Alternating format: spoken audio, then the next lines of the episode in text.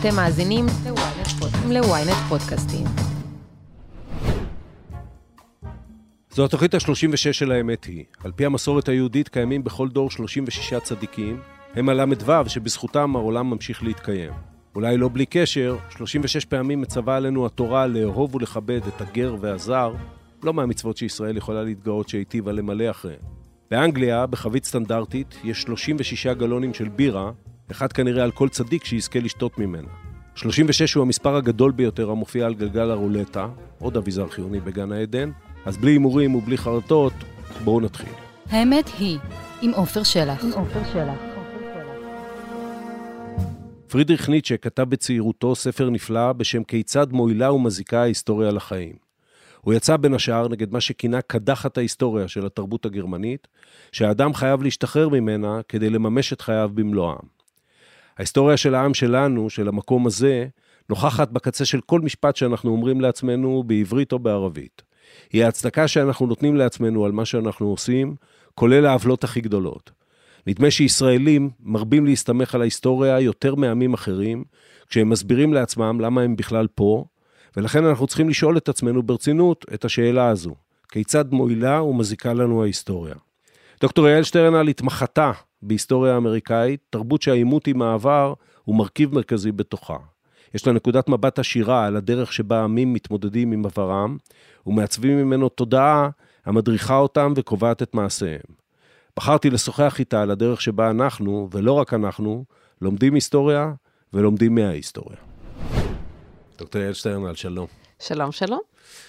אה, נדמה לי שאין, וגם כשהתכוננתי קצת לשיחה שלנו, אין מקצוע שכל כך אה, תוהים למה לומדים אותו ובמה הוא מועיל כמו ההיסטוריה.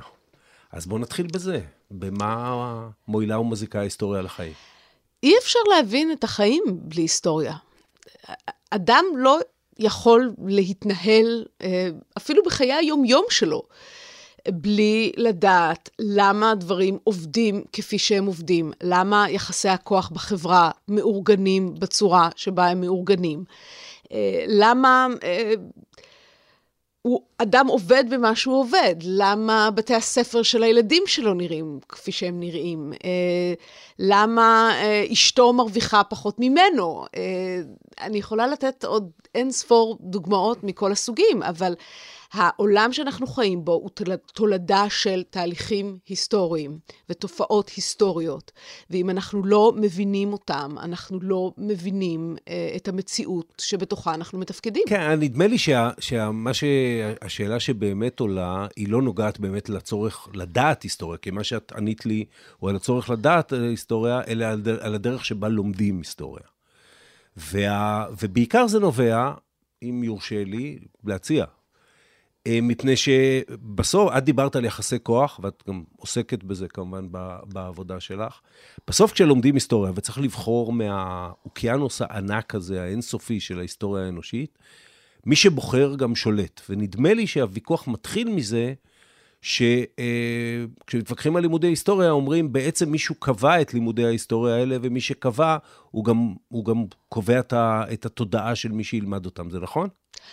אני חושבת שזה נכון במידה די מוגבלת, צריך לומר. אף אחד לא מכתיב, אני חושבת, גם למורים בהיסטוריה בתיכון, אני רוצה לפחות להאמין אה, מה נאמר בכיתה. התפקיד של לימודי לא, היסטוריה... לא, על זה עוד נדבר. ברמה מאוד גבוהה מכתיבים להם מה נאמר בכיתה. האם מכתיבים למורים להיסטוריה איך לנהל דיון ביקורתי בכיתה, איך לקרוא מקור בכיתה? אה, יכול להיות, שוב, אני לא עוסקת בחינוך התיכוני, ואני מלמדת באוניברסיטה. ובאוניברסיטה החופש האקדמי הוא עיקרון קדוש, אה, שעליו אה, אנחנו מוכנים להילחם כל מלחמה ולשלם כל מחיר.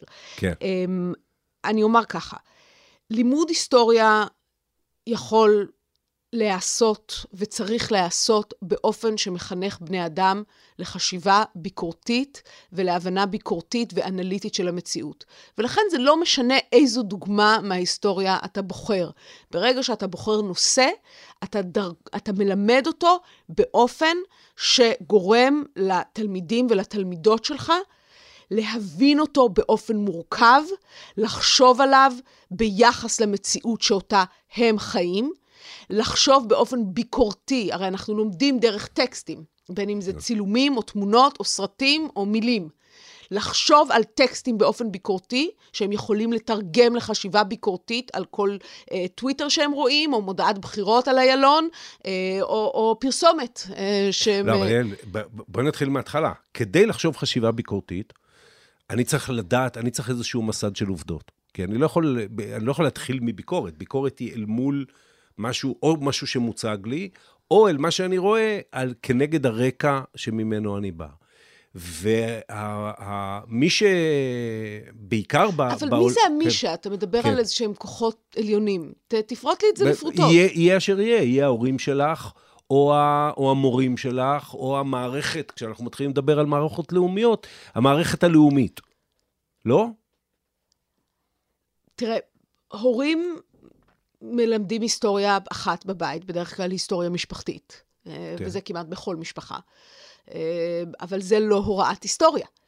אה, אוניברסיטה מלמדת היסטוריה אה, בצורה אחת, בתי ספר מלמדים היסטוריה בצורה שנייה, תרבות פופולרית, אנשים שיוצרים סרטים דוקומנטריים, או אפילו לא דוקומנטריים, או כותבים ספרים פופולריים, מלמדים אותה בצורה אחרת. כן. אין גורם אחד שהוא זה שמלמד היסטוריה. אנחנו צרכנים של היסטוריה באלף ואחת דרכים. למשל עכשיו, המלחמה באוקראינה מכריחה איזושהי הבנה היסטורית של אה, יחסי הכוח והעבר אה, וההווה הקרוב של מזרח אירופה. האם העובדה, שאני מניח, אני לא יודע מספרים, שחלק גדול מהחברה הרוסית מאמין באותה, באותו בסיס עובדתי שוולדימיר פוטין מציג, אני לא יודע אם הוא מאמין בו, אבל מציג בהתייחסויות שלו לאוקראינה, אה, איזה משקל זה צריך להיות אל מול מה ש... בעולם שבו מוצקותה של האמת והעובדה ש... ומאיפה אתה שואל, האמת היא, היא נהיית בכלל אה, אה, חלק מהפוזיציה הזהותית שלך, מה, איך מתמודדים עם הדבר הזה? נכון. אה,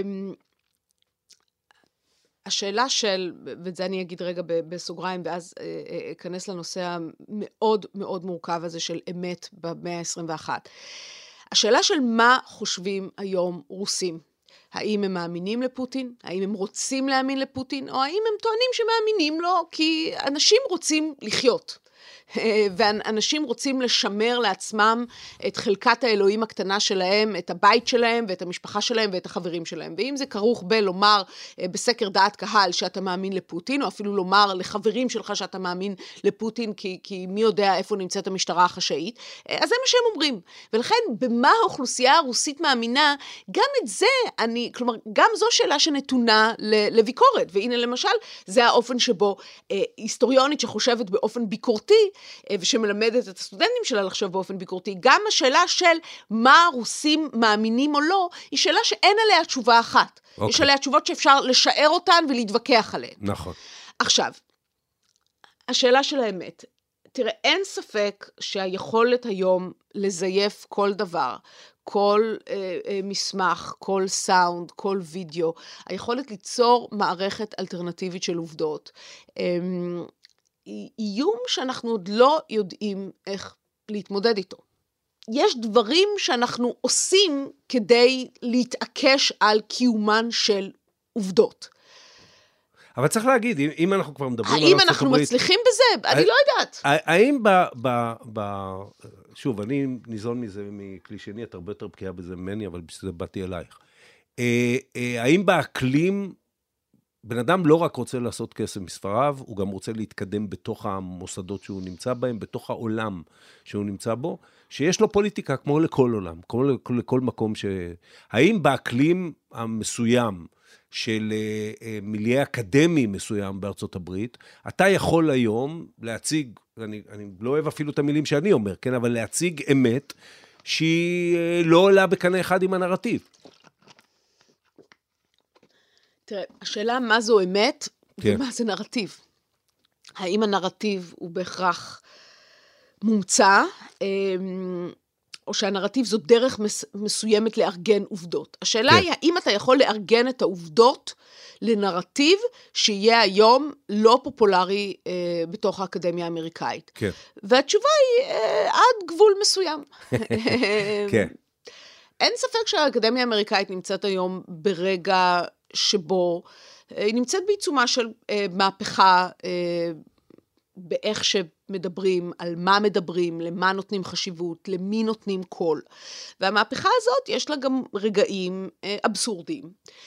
Uh, המטוטלת uh, זזה מאוד חזק לכיוון מסוים. אני מאמינה שהיא תזוז חזרה uh, בהדרגה לאיזו פוזיציה uh, שתהיה יותר, איך לומר, מכילה. אה, אבל נכון, זה, זה, אנחנו, נמצאים, אנחנו נמצאים ברגע שבו אה, אנשים בארצות הברית נזהרים, נזהרים באיך שהם מדברים. אני אה, יכולה לחשוב על שמות של היסטוריונים מאוד מאוד בכירים, שבשנים האחרונות במודע נמנעים מעיסוק ציבורי בנושאים הכי רגישים בתוך מקצוע ההיסטוריה, כדי לא להסתבך. היסטוריונים לבנים שמעדיפים לא לעסוק בסוגיות שנויות במחלוקת בהיסטוריה שחורה, כדי לא להסתבך, כדי לא לומר אה, דברים שהם אחר כך יצטערו אה, עליהם. עצם ה- הלגיטימיות שלך נכון. לעסוק בזה היא מוטלת היום בספק. נכון, כן? נכון. בהשאלה, בעולם שבו... אה, אה, יש טענה שאישה לא יהודייה לא יכולה לגיים, לגלם יהודייה, אז אנחנו באמת אה, מגיעים למחוזות האלה. זו מטוטלת אה, שזזה למאוד, מאוד סוואנג. אה, זזה, נעה, כן. כן. היטלטלה, המטוטלת. באופן, כן. כן, הגיע לקצה דרסטי, וזה באמת סיפור אבסורדי, צריך לומר. את, כמו שאמרת קודם, את אה, לא, לא עוסקת בלימוד של, אה, של אה, בתי ספר, אלא באקדמיה, אבל אני אשאל אותך מהמקום שלך, כי יש, בישראל יש דיון מתמיד על סוגיית בחינות הבגרות, עכשיו בכלל רוצים שבמדעי הרוח ובתוכם ההיסטוריה לא יהיו בחינות, אלא עבודות, שזה, יש איזה צד שלם מעשי שאני לא בטוח שניכנס אליו, של האם ילמדו את זה בכלל, אם זה לא יהיה בבחינה. והתשובה. היא לא. אוקיי. איך את היית מלמדת ב, לא חשוב באיזה מסגרת פורמלית. איך היית מלמדת אנשים צעירים היסטוריה? תראה, אני חושבת שבסך הכל את ה basics אנחנו יודעים לעשות, בין אם זה ברמת האוניברסיטה ובין אם זה ברמת התיכון. אה, צריך לבחור אה, כמה סוגיות היסטוריות משמעותיות אה, וללמד אותן לעומק, להכיר לתלמידים אה, מגוון של קולות, מגוון של טקסטים, מגוון של דרכים לגשת לנושא. אה, ובסופו של דבר, כן, אני מאמינה בלבחון. אני גם בקורסים שלי בוחנת, אני הכי מיושנת שיש אה, כשזה מגיע לזה. בחינה, מחברת ועט, שלוש שעות שבהם הסטודנטים מוציאים מעצמם את המקסימום, וזה השלוש שעות שבהן הם צריכים להיות הכי חכמים שהם יכולים להיות. למרות שדווקא במסגרת האקדמית, למשל עבודה, תזכה גם מצד הסטודנט וגם מצד המרצה לתשומת לב שהיא צריכה לזכות למה גם... שלא יקרה במסגרת נכון, של בית ספר. אז הם, תראה, קודם כל הם כותבים גם עבודות. אה, אני, סטודנטים כותבים אצלי מעבודה של חמישה עמודים עד עבודות דוקטורט, ואני כמובן כן. מאמינה גדולה בעבודות. אה, אבל אני חושבת שברמה של קורסי מבוא, ולכן גם ברמה של לימוד, לימודים בתיכון, בחינה כשהיא נכתבת בצורה טובה, ושהיא מגיעה בסיומו של, אה, אה, בסיום, בסיומו של קורס שהיה בנוי נכון, או של שנת לימודים שהייתה בנויה נכון, היא השלמה של מהלך פדגוגי, היא מכריחה סטודנט וסטודנטית, או תלמידה ותלמיד, לשבת במשך שלושה ימים, לחשוב על כל החומר באופן סינתטי, ולסדר לעצמם בראש איזשהו נרטיב של מה הם למדו בשנה הזאת. מצוין. עכשיו, אמרת לקחת מספר סוגיות. כי בסופו של דבר במסגרת זמן נתונה אנחנו גם צריכים, יש גבול ל, ל, לרוחב. אה, אה, איזה סוגיות היית לוקחת? כי אז... אני, אני אגיד לך לפני, לפני שאת עונה, אני הוצאתי מאתר משרד החינוך את מטרות ההוראה המרכזיות בחטיבה העליונה בבית הספר הממלכתי, וביניהן יש שתי מטרות, חוץ מהכרת אירועים היסטוריים ופיתוח חשיבה היסטורית, יש טיפוח הזהות הלאומית וטיפוח ההכרה והזיקה למורשת היהודית. וטיפוח ערכים מוסריים כלל אנושיים הומניסטיים וטיפוח יכולת לשפוט אירועים היסטוריים על פי הערכים האלה, שעל פניו זה מתח. על פניו זה מתח, כי ברגע שאתה אומר, זה כמו יהודית ודמוקרטית, ברגע כן, שאמרת, יהודי, יש... המתח שהוא בבסיס אה, קיומנו פה. ב- בוודאי. אה, איזה סוגיות תחת זה, תכף נדבר על מה שעושים באמת, שאני מניח שאת מכירה לא פחות טוב ממני, אבל איזה סוגיות היית לוקחת לדון בהן? למשל, סחר העבדים הטרנס-אטלנטי. זו סוגיה שמאפשרת לך להתחיל מצורות של עבודה חופשית ולא חופשית בעולם מאז שבני אדם מתעדים את עצמם. מאפשרת לך לדבר על מפגש של ציוויליזציות, על, על, על ההגעה של האירופאים לאפריקה, מאפשרת לך לדבר על מתחים פנים-אפריקאים, על תרבויות אפריקאיות, לחשוף את הסטודנטים לעושר התרבותי האדיר, לגיוון וגם למתחים, למלחמות, ל, ליחסי הסחר בתוך אפריקה, העולם השלם הזה, שאנחנו רואים אותו בתור איזה מין בלוק שחור, והוא כמובן כל דבר חוץ מזה. מאפשרת לך לדבר על ראשית הקפיטליזם, כי הרי סחר העבדים הוא מהרבה בחינות אחד הרגעים המכוננים כן. אה, בלידת הקפיטליזם. מאפשרת לך לדבר על האופן שבו לבנים רואים אחרים. אה, מאפשרת לך לדבר גם על האופן שבו אפריקאים, וצריך לומר, הילידים האמריקאים, האינדיאנים, שאותם האפריקאים באים להחליף אחרי שהאינדיאנים פשוט מתים בהמוניהם, ומישהו צריך לגדל סוכר או טבק, mm-hmm. על, על כל משולש היחסים הזה. אה, מאפשר לך לדבר על ניצול של משאבים, על היחס לסביבה, כלומר על איך לוקחים את האדמות הללו שהיו בעיבוד של אינדיאנים אה, במשך אלפי שנים והופכים אותם לאדמות שמשרתות את הקיבה האירופאית. זה עולם ומלומות... מאפשר לך לדבר בעיניי על דבר מרתק, והוא באיזה דיסוננס קוגניטיבי יכולים לחיות אנשים, נגיד כמו תומאס ג'פרסון, שביד אחת אה, מנסח את החוקה האמריקאית, באמת אחד המסמכים ההומניסטיים הגדולים לא של ההיסטוריה. לא את החוקה, את הכרזת העצמאות. את הכרזת העצמאות, סליחה, אבל הוא גם, הוא גם היה לא, בין, הוא לא עם פרנקלין ו... הוא לא מנסח את החוקה, אוקיי. הוא בצרפת. כשהחוקה נכתבת. טעות שלי, הוא שגריר בצרפת, זה ג'וב יותר טוב, אני מניח. בהחלט. אני מניח, אה, אה, אבל את הכרזת עצמאות, ולא ביד, אלא באיברי הגוף האחרים, מוליד, אה, אונס את שפחותיו השחורות ולא מכיר בילדים שלהם, וחי עם זה. זאת אומרת, זה לא רק הוא, כן? זה... זה... בהחלט. זה, בהחלט. ו, זאת אומרת, את לוקחת, וזו דוגמה נהדרת מה שנתת, את לוקחת משהו, סוגיה אחת שכביכול אני יכול ללמוד אותה ורטיקלית, אבל אופקית, היא לוקחת אותי להמון המון מקומות. נכון, ויש לך... טקסטים גם של משועבדים וגם של בעלי עבדים, אה, יש עושר ויזואלי אדיר, אה, יש נת... עבודה של איסוף נתונים שהיסטוריונים עשו, של בעצם לשחזר את סחר העבדים הטרנס-אטלנטי, אנחנו לא מכיר, לעולם לא נדע את השמות של 12 מיליון החטופים האלה, אבל אנחנו יכולים לפחות לקבל, אה, יש איזושהי תמונה של מתי, איפה, כמה, לאן הם הגיעו. אמ, זה, זה גם עולם שלם של הבנה של איך, איך אוספים נתונים, איך יודעים מה שאנחנו יודעים על ההיסטוריה. אה, ולכן... שדבר אחד אין את בזה... את זה אנחנו עושים ד... באוניברסיטה, אין שום סיבה לא לעשות את זה גם בתיכון. שדבר אחד אין בזה, אה, אה, זה הכל בדרך הטבע, זה במקורות משניים. זאת אומרת, אני לא יכול ללכת לחקור את משפחתי, כמו שיכול אולי אה, תלמיד אמריקאי, אני לא יכול ללכת לחקור את משפחתי על, הדבר הזה, זאת אומרת, לעשות עבודת חקר שגם מלמדת אותי.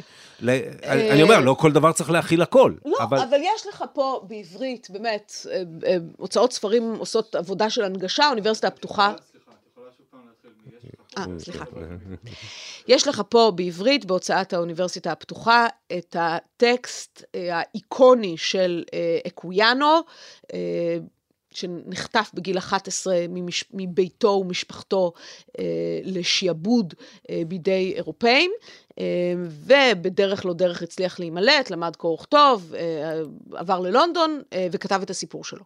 כן. ואת זה אין שום סיבה לא לקרוא ברמת תיכון, ואין שום סיבה לא אה, להושיב תלמידים על הטקסט הזה, אה, ולעבוד איתו גם עצמאית, כלומר, לא רק דרך הדרך הלכאורה מאוד שמרנית של המבחן. ונגיד בהיסטוריה של עם ישראל, מדינת ישראל, מה...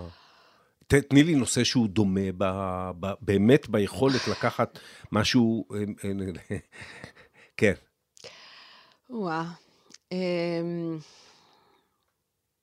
תראה, אני חושבת שהסיפור, אה, שנות החמישים הן מהרבה בחינות ה-ground zero כן. אה, מאוד חשוב בהיסטוריה הישראלית, שאני באמת לא מומחית אליה, זה תמיד גם, אה, פוז, פוזיציה שלי מול אמריקאים, זה שאתה אמריקאי לא אומר שאתה מומחה להיסטוריה אמריקאית, ואני אה, מכילה את זה גם על עצמי. אבל אה, אה, ללמד את סיפורן של המעברות. אה, על כל מה שהיה כרוך בהן, כמוסדות מדינתיים, כחוויות אישיות, אה, ללמד את, אה, את, את, את,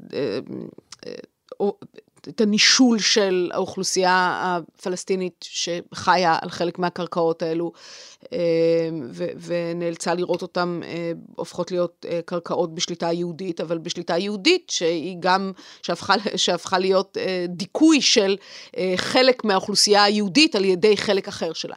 זה גם כן מאפשר להבין מבני כוח, איך בני אדם נתקלים באחר ואיך הם מגיבים אליו. זה דבר שהוא כל כך מהותי גם לעולם שלנו. ואני שם על זה המון דגש בהוראה שלי באוניברסיטה, ואני חושבת שבוודאי צריך לעשות את זה גם בגילאים יותר מוקדמים. זה להבין שלבני אדם יש יכולת מוגבלת להתמודד עם אנשים שנראים אחרת, מדברים אחרת, מאמינים אחרת, מתלבשים אחרת. ושאנחנו צריכים לעשות עבודה אקטיבית כדי להתגבר על המכשולים האלה ולהכיר בבני אדם כבני אדם, גם כשהם נראים לנו כמעט כמו יצורים שנחתו כאן מהחלל החיצון. ובהחלט עבור אה, אה, חלק מהיהודים האירופאים אה, שקיבלו כאן את ההחלטות בשנות החמישים, אה, היהדות שהגיעה מהמזרח התיכון וצפון אפריקה, נראו כאילו הם נחתו מהחלל החיצון. והשאלה, איך התמודדו עם זה? ואיך אנחנו מתמודדים יותר טוב עם אנשים שנראים לנו כאילו הם נחתו מהחלל החיצון. שזה כמובן אה, אה, נוגע ב, בדבר אחד שהוא הבסיס של כל מה שאת אומרת, והוא אה, שכל הדברים האלה צריכים לעשות מאיזה אה, פוזיציה של ביטחון עצמי, של יכולת להסתכל על עצמי מבחוץ, אה, ב, וכולל באופן ביקורתי, אה, של יכולת אה, לא לחשוש, הרי לכאורה, אה, מה, מה שאמרת לי עכשיו, לכאורה, אני לא מאמין בזה, אבל אני אומר, לכאורה, עם חיזוק הזהות היהודית והשייכות למקום, אז עכשיו את כביכול מערערת. זאת אומרת, יש נטייה אנושית בסיסית גם להיצמד לנרטיב של, שלי כנרטיב מגונן. איך מלמדים היסטוריה מתוך פוזיציה של ביטחון עצמי? אני חושבת שהשאלה של ביטחון עצמי היא, היא שאלה אה, קריטית, אה, גם לקיום היהודי אה, במרחב הזה אה, במובן הרבה יותר רחב, ו, ולכן השאלה של איך מלמדים היסטוריה היא איזה סוג של מטונימיה, או היא, היא מין תת-שאלה בתוך השאלה הגדולה, וזו דרך מאוד אה, טובה בעיניי לחשוב על השאלה הזאת. אה, התחושה הדפנסיבית אה, שיש לישראלים, ליהודים ישראלים, היא תעלומה בעיניי, אה, אני מודה. אמ, אני, אני לא מבינה למה צריך להמשיך לחזק כאן איזושהי זהות יהודית, כשהזהות היהודית היא בברור כל כך אה, חזקה. כלומר, אני מבינה בקהילות יהודיות אמריקאיות למה יש תחושה שצריך לחזק זהות יהודית, כי הזהות היהודית שם היא, אה, היא באמת מאוימת על ידי גורמים חיצוניים ועל ידי נשואים עם לא יהודים, ושם זה באמת, אה, למי שאכפת מהדברים האלה, יש שם הרבה עבודה לעשות, והיא עבודה לא פשוטה. אני לא מבינה למה אה, יש מי שמרגיש שצריך לעשות את העבודה הזאת כאן. אמ, כשהשליטה... את באמת לא מבינה? השליטה היהודית אה, על חלקי הארץ הזאת, אני לא יודעת, אני יושבת כאן באוניברסיטת תל אביב, הדברים נראים לי די יציבים. באופן אישי. השאלה היא, האם אתה לא, אבל הרי רוצה... הפחד, אבל... הפחד הוא לא מזה. אתה רוצה לחזק זהות יהודית, או אתה רוצה ליצור זהות יהודית שמכתיבה שליטה אבסולוטית על אה, אה, קרקעות בלי מוגבל, בלתי מוגבלות ועל אה, בני אדם נטולי זכויות. לא, לא על זה, לא זה. למרות שיש לי כמובן דעה בעניין, ואני חושב שהיא די דומה לשלך, אבל לא, לא על זה אני מדבר, אלא, אני תמיד אומר ש... ואני חושב שמה שאת אומרת, זה, זה קרקע גידולם של אנשים מסוימים. זאת אומרת, אני גדלתי פה, אני אה, נולדתי לפני מלחמת ששת הימים, גדלתי במדינה שהיא הייתה קטנה, באמת קטנה ומוקפת אויבים, אבל עם תחושה של אה, ביטחון וצדק שהיא הייתה לי טבעית. אגב, בהחלט יכול להיות שהייתה מבוססת על נרטיבים שאפשר להתווכח עליהם מפה ועד הודעה חדשה. אבל מתוך זה ומתוך תודעה, היום אני מסתכל, כשאני מסתכל על זה במבט אה, לאחור, שאמרה שמתוך זה שיש לי ביטחון, ב, ב, לא רק בזה שאני פה ובשרידותי פה, אלא גם בצדק של העובדה שאני פה, ואני באמת מאמין שיש צדק בעובדה שאני פה. אה, ובעובדה של הביטוי הלאומי של העם שלי הוא במקום הזה ולא יכול להיות אלא במקום הזה, מתוך זה אני יכול לראות את האחר, אני יכול לראות את המגבלות שלי, את העיוורון שלי, ולראות את האחר. אני חושב שככל שאיבדנו את החלק הראשון, אנחנו מתחילים לפחד מהחלק השני. יכול להיות. אמ, אני נולדתי אחרי מלחמת ששת הימים, ואני לא זוכרת רגע בחיים שלי שבו לא היו לי אה, ספקות קשים אה, לגבי האופן שבו המדינה הזו מנהלת את העניינים שלה, ואני מחויבת עליה, חזרתי לחיות בה למרות שלא הייתי חייבת, אה, ואני מגדלת בה את אה, בנותיי. אה, ספקות על הדרך שבה היא מנהלת את זה, ואמונה בצדק של זה שאת פה, זה לא דברים שסותרים. אני אומר, אני, זה לא להפך, דברים שסותרים. להפך, אבל... בעיניי, בעיניי כשאתה מחוזק בצדק שלך, אתה גם יכול להטיל ספק בכל מה שאתה עושה ובכל מה שהמדינה שלך עושה. נכון, אני מקבלת את, ה, את המקום הזה כ... בנרטיב שלי, זה המקום שנתן לאבא שלי בית. כשאף מדינה אחרת בעצם לא נתנה לו בית, ומבחינתי זאת הצדקה מאוד משמעותית לקיומו של המקום הזה, אבל על העובדה שאבא שלי קיבל בית, אה, אנשים אחרים שילמו מחיר בלתי נסבל. וזו בדיוק השאלה הזו של הביטחון העצמי, שמאפשרת לי אה, לשאול תמיד, אני מנסחת את זה קצת אחרת ממך. אני, אה, אחת השאלות שאני תמיד שואלת לגבי אה, אה, ישראל העכשווית היא, למה אין נדיבות של מנצחים? בקרב יהודים ישראלים. Mm-hmm. למה כל כך קשה להודות שחי כאן עם אחר, שחווה טראומות ואסונות ואובדן בלתי נתפס, ולנו יש גם אינטרס וגם מחויבות מוסרית לעזור אה, לשכנים אה, ששילמו את המחיר הזה, להיחלץ מאסונם ולבנות את עתידם לצידו של הבית הלאומי היהודי. למה אין כאן את התחושה הזאת של החיים כאן הם, החיים כאן הם טובים, זו שאלה מורכבת, אבל בוא נאמר, בקרב אנשים שנהנים מביטחון כלכלי בסיסי, החיים כאן יש להם הרבה מאוד יתרונות. כן. ולמה התחושה הזאת, שביעות הרצון הישראלית המפורסמת שמופיעה בכל הסקרים הבינלאומיים, למה היא לא מתרגמת, מתרגמת לנדיבות של מנצחים? אני אענה לך uh, תשובה ו- ואני אקשור אותה ללימודי ההיסטוריה. בעיניי זה קשור קשר ישיר לעובדה שלמשל, כפי שידוע ו- ומדוסקס מדי פעם, ב- בלימודי ההיסטוריה בישראל אין מלחמת העולם השנייה, יש השואה. ואין יפן, יש יהדות יפן.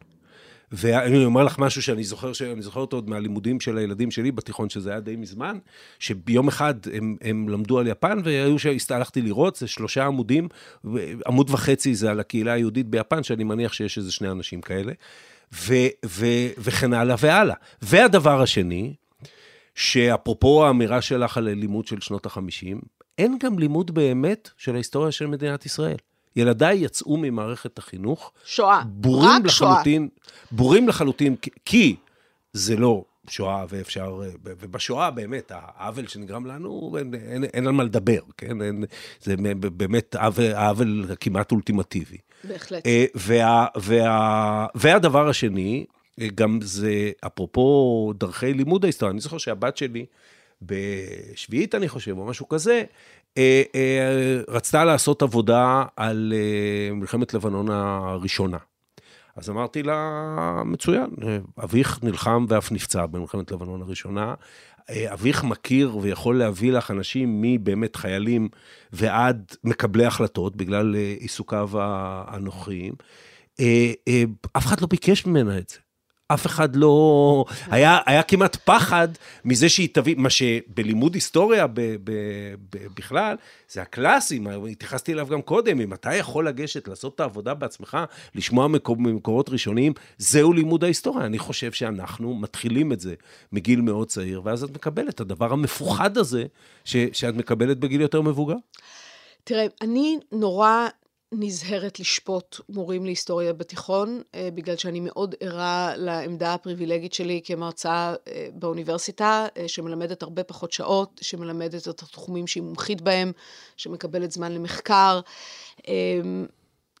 אין ספק שלימודי ההיסטוריה בתיכון חייבים לעודד יצירתיות. אני למדתי בתיכון שעודד יצירתיות בלימודי היסטוריה ואפשר לי מרחב פעולה בלתי מוגבל, שבגללו בסופו של דבר הפכתי להיסטוריונית. כלומר, החוויה שהייתה לי בכיתה י"ב בחקירה היסטורית עצמאית הייתה כל כך חזקה, שזה היה ברור לי שזה מה שאני אעשה כל החיים, אם מישהו יאפשר לי. ואפשרו לי. אמ, האם צריך גם לבחור את הנושאים אחרת, האם צריך לאפשר יצירתיות, האם צריך לעודד אה, תלמידים לעשות עבודות חקר, בוודאי, ואני גם חושבת שיש לא מעט מורים שכן עושים את המאמץ הזה.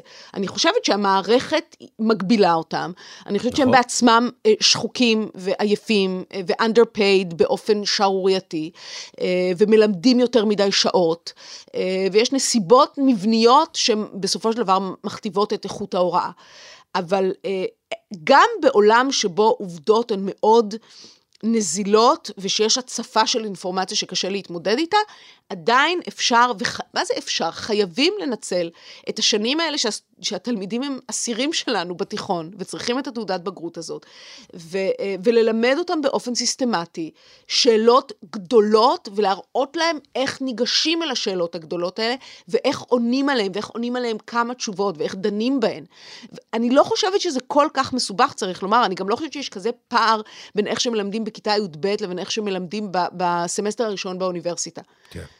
זה לא בלתי אפשרי. אני, שוב, קטונתי מלדבר על הסוגיות המערכתיות, אבל כרעיון, זה בהחלט רעיון ישים. היי, hey, כאן עטילה שומפלבי.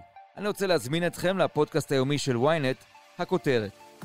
מדי בוקר, יחד עם כתבי ynet וידיעות אחרונות, ובסיועם של מומחים מן הארץ ומן העולם, נבחן כותרת מרכזית אחת ונעמיק בה כדי להבין. מחכה לכם בכל אפליקציות הפודקאסטים וגם בוויינט. בואי לקראת סיום נמכור את אה, לימודי ההיסטוריה למאזיננו. אה, ואם את יכולה להגיד לי על, על נושא שחקרת, ובאמת, אני זוכר, אני למדתי, אה, בין השאר למדתי ספרות באוניברסיטה. וספרות זה, זה, יש לך רגע, אפילו ברמה של תואר ראשון, אפילו יכול להיות גם ברמה של בית ספר, אבל אני אומר, אפילו ברמה של תואר ראשון, של ממש התגלויות, כן? חד אפי, משמעית. מה שג'ויס קורא אפיפניות, כן? אתה, אתה אה, אה, קורא את הטקסט, אתה מתחבר דבר, ופתאום ממש יוצא אור מהדפים. תני לי רגע שיוצא, שלך, שיצא לך אור מההיסטוריה.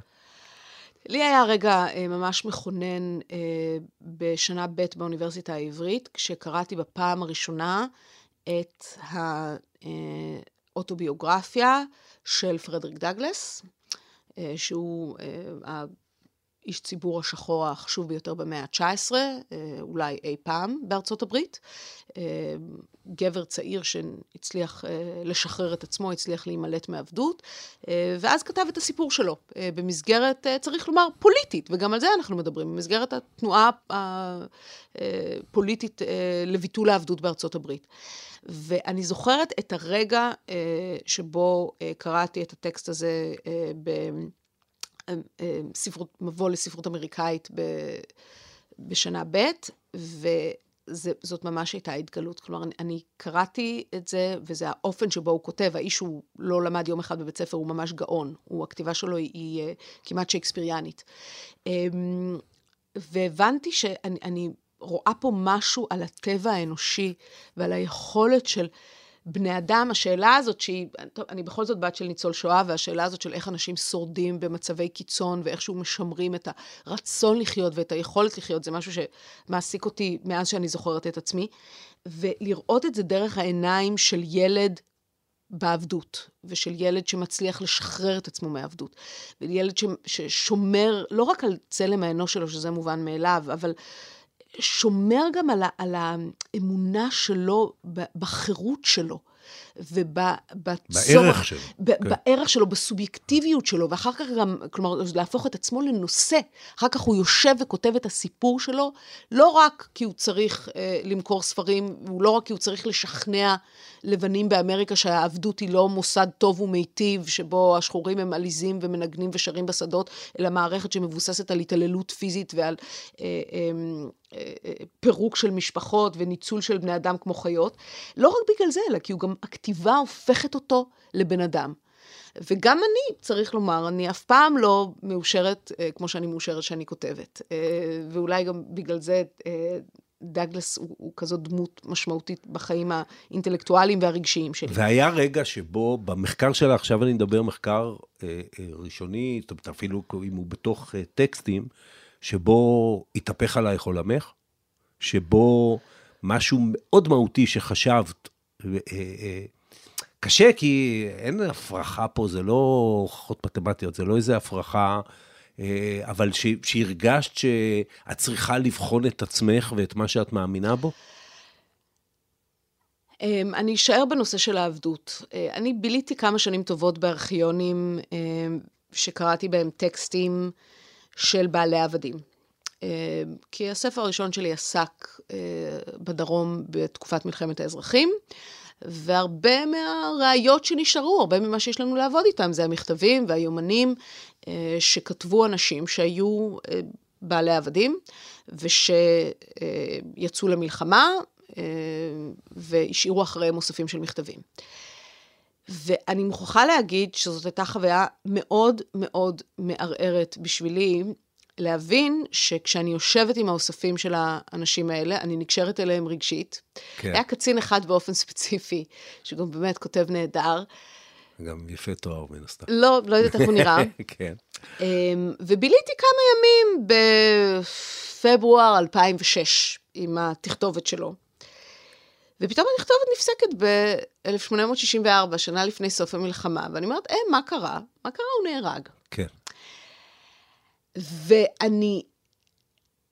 אה, זה מאוד ערער אותי, עד כמה אה, שיכולתי אה, להיכנס לתוך, להרגיש שאני נכנסת לתוך הראש שלו, להכיר אותו בתור בן אדם, לפתח אליו איזושהי זיקה, כשהאדם הזה משתתף באחד המפעלים הבאמת נוראיים, ביותר בטח בתולדות המערב. זה, זה, השעבוד האמריקאי הוא, הוא, הוא שני רק uh, לשואה. וההבנה שלי, שגם אני, לו הייתי אישה לבנה בדרום האמריקאי, לא בטוח שהייתי מסוגלת לעמוד מול התכתיבים שהחברה הזאת יצרה, מול מערכת השכנועים וההצדקות שהיא uh, גידלה בתוכה דורות על דורות של נשים וגברים חושבים. וש...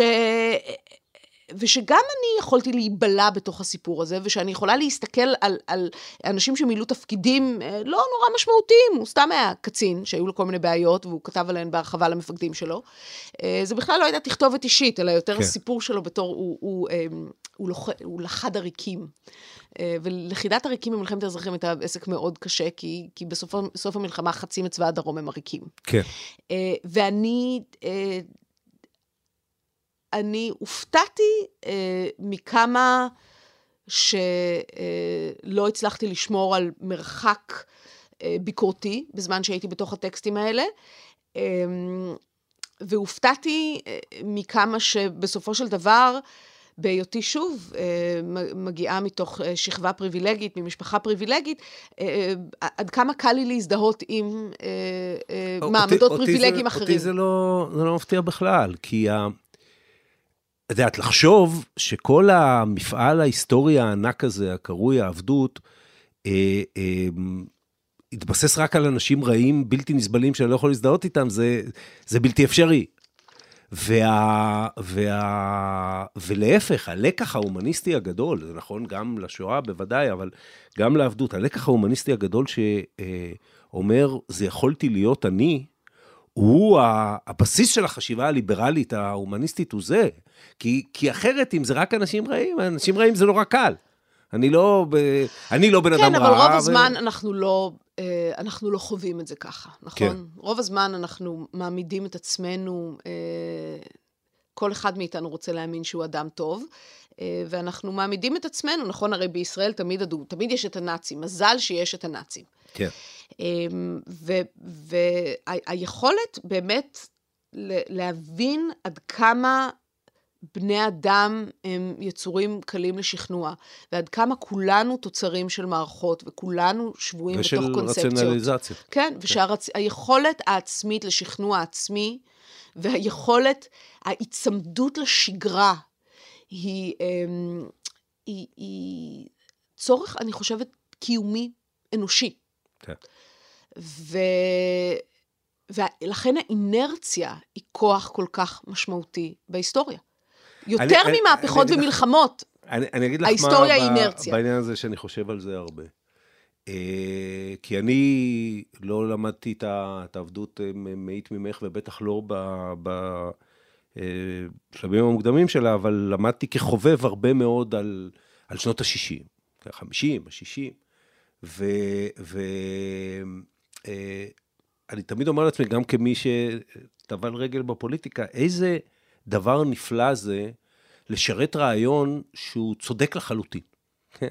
המאבק של, של אה, התנועה לזכויות האזרח היה מאבק צודק לחלוטין, אין דרך אחרת, חוץ מאשר אם את אה, לוקחת את, אה, אני יודע מה, לואי סי קיי שאומר אף פעם לא, שלא אמרו איזה דבר נורא זה שבוטלה העבדות, לקחו לנו את העבדים, כן, אם את לא בזווית הזו, אה, אה, זה אה, נלסון מנדלה, זה, זה דברים שאתה אומר לעצמך, אפילו אם אתה מוכן להכיל את הצד השני ולהגיד לעצמך, גם זה יכולתי להיות גם אני, או, או כשאתה חושב על השואה, אתה אומר, בסוף רוב האנשים שפעלו בתוך המכונה של השואה, פעלו מפחד, כי, כי לא לפעול שם היה, סיכן את חייהם. לא הרבה יוצא בעולם שלנו לשרת רעיון שהוא צודק לחלוטין. נכון. עכשיו, אין ספק, אה, גם אני אה, מאוד אוהבת ללמד את התנועה לזכויות האזרח, אני חושבת שזה גם נורא חשוב ללמד אותה בישראל. אה, נורא חשוב להראות מאבק שמצליח לנחול הצלחות. כן. ולהראות עד כמה הוא רחוק מהצלחה 20-30 שנה קודם לכן, ואז משתנות הנסיבות ההיסטוריות, ובום, אה, זה לקח של אנשים צעירים ואופטימיים, אה, או שצריך לפחות להחזיק אותם אופטימיים, אה, אני חושבת שהוא לקח שערכו לא יסולא בפאז. אבל, וזה אבל גדול, כשאני מלמדת תנועה לזכויות האזרח, אני מלמדת אותה גם עם כל הצדדים הפחות אטרקטיביים שלה. היה שם סקסיזם בלתי נסבל. Mm-hmm. בתוך התנועה הזו. יש uh, גיבורות של uh, התנועה לזכויות האזרח, שאף אחד, באמת אף אחד לא שמע עליהן, uh, שהן לגמרי בצילן uh, של הגברים. Uh, היה שם, היו שם המון ספקות, המון סכסוכים פנימיים. uh, המון עימותים על אגו, המון קשיים בג... בגיוס תרומות, uh, המון עבודה שחורה. אה, זה נורא חשוב בעיניי להראות את התנועה על זכויות האזרח מתוך הקישקס שלה, אה, על היומיום המפרך שלה והרווי בסכסוכים הקטנים והרבה פחות הירואיים מכפי שהיינו רוצים להאמין, כדי להראות לסטודנטים וגם לעצמנו ששינוי היסטורי אה, שמטרתו צדק, יכול להתרחש גם כשאלה אנשים אה, אמיתיים לחלוטין, שמונעים לא תמיד אה, מהאינטרסים הכי טהורים. אה, אני אומרת את זה גם, אגב, אקטיביזם ישראלי. אקטיביזם חייב להיות כיף. אם זה לא כיף, אנשים לא באים. אם אין מוזיקה, אם אין אנשים יפים, אם אין איזו תחושה גם של, יש כאן איזושהי אנרגיה שאנש, שמושכת מושכת פעילים, אז, אז זה לא יהיה. וגם על האנרגיה הזאת צריך לדבר, כי, כי, כי היא חלק מהסיפור. כן, וגם, וגם שוב, באמת לסיום, על, על הצ... כי אני, אני הרבה חושב על זה. אני, אם הייתי יכול, לא הייתה לי שום בעיה להיות, אה, אגב, לא מזמן הייתי שם, ממש עברתי שם, על, ה, על הגשר באלבמה ולחטוף מכות מ, מ, מהשוטרים. לא הייתה לי שום בעיה עם זה. זה, זה כואב, אבל הייתי, הייתי מתגבר. לדעת שאתה על הגשר באלבמה, ששם שחור הוא שחור ולבן הוא לבן, תרתי משמע, זאת הבעיה העיקרית. אתה אה, אה, אה, זה הרבה יותר קשה ל- ל- ב- בעולם שבו, דווקא מתוך היותך בן אדם מודע, הרבה יותר קשה לדעת שאתה באמת בזה. בזה מאיזו בחינה? שאתה באמת בצד הצודק לחלוטין. Mm. ש, ש, שאתה יכול, ששווה להקריב בשבילו, כי הוא צודק לחלוטין. אני חושב שלאנשים יש אפילו צורך להקריב בשביל דבר שהוא צודק לחלוטין, הם פשוט לא, אין להם את התחושה הזאת, אה, יפה, אז אני, אני לא חושבת ככה. אני חושבת שרוב האנשים אה, יודעים מה צודק לחלוטין, אה, והם מתעצלים. אני אוכלת בשר, כן, אני מנסה להפסיק. כן. זה קשה, זה לא עצלות, זה פשוט נורא טעים. נכון? אה, אה, אנשים, אנשים אין כוח, אין כוח ללכת להפגנות, אין כוח, אין כוח, אנשים כן. עסוקים, החיים קשים, כן. יש עבודה, יש ילדים, יש הורים. אני חושבת שאינרציה, עצלות, איזו השלמה עם הקיים, אה, הזזת המבט, הן תכונות אנושיות עם כוח אדיר בעיצוב ההיסטוריה, שלא מקבלות מספיק מקום. אנחנו נורא אוהבים את הרגעים הדרמטיים, אה, והרבה יותר קשה לנו עם השגרה. אה, כן, אבל... כי גם קשה ללמד אותה. זה כמו שאת לא זוכרת, את חוצה צומת אה, אה, 30 אלף פעם בחיים, אבל רק אם חס וחלילה יפגע בך, אה, בוא נגיד קורקינט, או לא בשבילו משהו יותר כבד, תזכרי את זה. אין, אה, זה, זה ככה, ככה עובדת ההיסטוריה. נכון, ככה עובד גם כנראה המוח האנושי. כן. אה, אנשים זוכרים טראומות וזוכרים רגעים ייחודיים. אבל בסופו של דבר, תהליכים, גם התהליכים ההיסטוריים הכי אה, מעצבים, אה, היו בהם שנים, עשורים, מאות של שגרה, שבתוכה התהוו מיקרו תהליכים ש... בסופו של דבר יצרו משהו יותר גדול. ואיך לה, איך עובדים המיקרו-תהליכים האלה, איך מניעים אנשים אה, קצת לצאת מהאינרציה, קצת לצאת מהעצלות, אה, זו שאלה ענקית. אה, איך ל, להיות אדם מודע, אבל ש, שמצליח למשוך את עצמו מתוך ה, היומיום הזה, שהוא כוח שקשה מאוד לעמוד בפניו. זו שאלה שכל מי שרוצה לראות איזשהו שינוי בחברה המאוד לא צודקת שכולנו חיים בה, צריך לחשוב עליו. בשביל זה צריך ללמוד היסטוריה. בהחלט. תודה. תודה לך. עד כאן עוד פרק של האמת היא. כדי להאזין לפרקים הבאים שלנו, אתם מוזמנים לעקוב אחרינו ב ynet, ספוטיפיי, או באפליקציית הפודקאסטים החביבה עליכם. דרגו אותנו באפל פודקאסט וספוטיפיי, תשלחו את הפרק לחברים. אתם מוזמנים לכתוב לי בדף הפייסבוק שלי, או במייל שטרודל ynet.co.il. בפרקים הבאים אני מבטיח להתייחס. העורך שלנו הוא רון טוביה, בצוות גיא סלם וערן נחמני, על הסאונד ניסו עזרן. אני עופר שלח, ניפגש בפעם הבאה.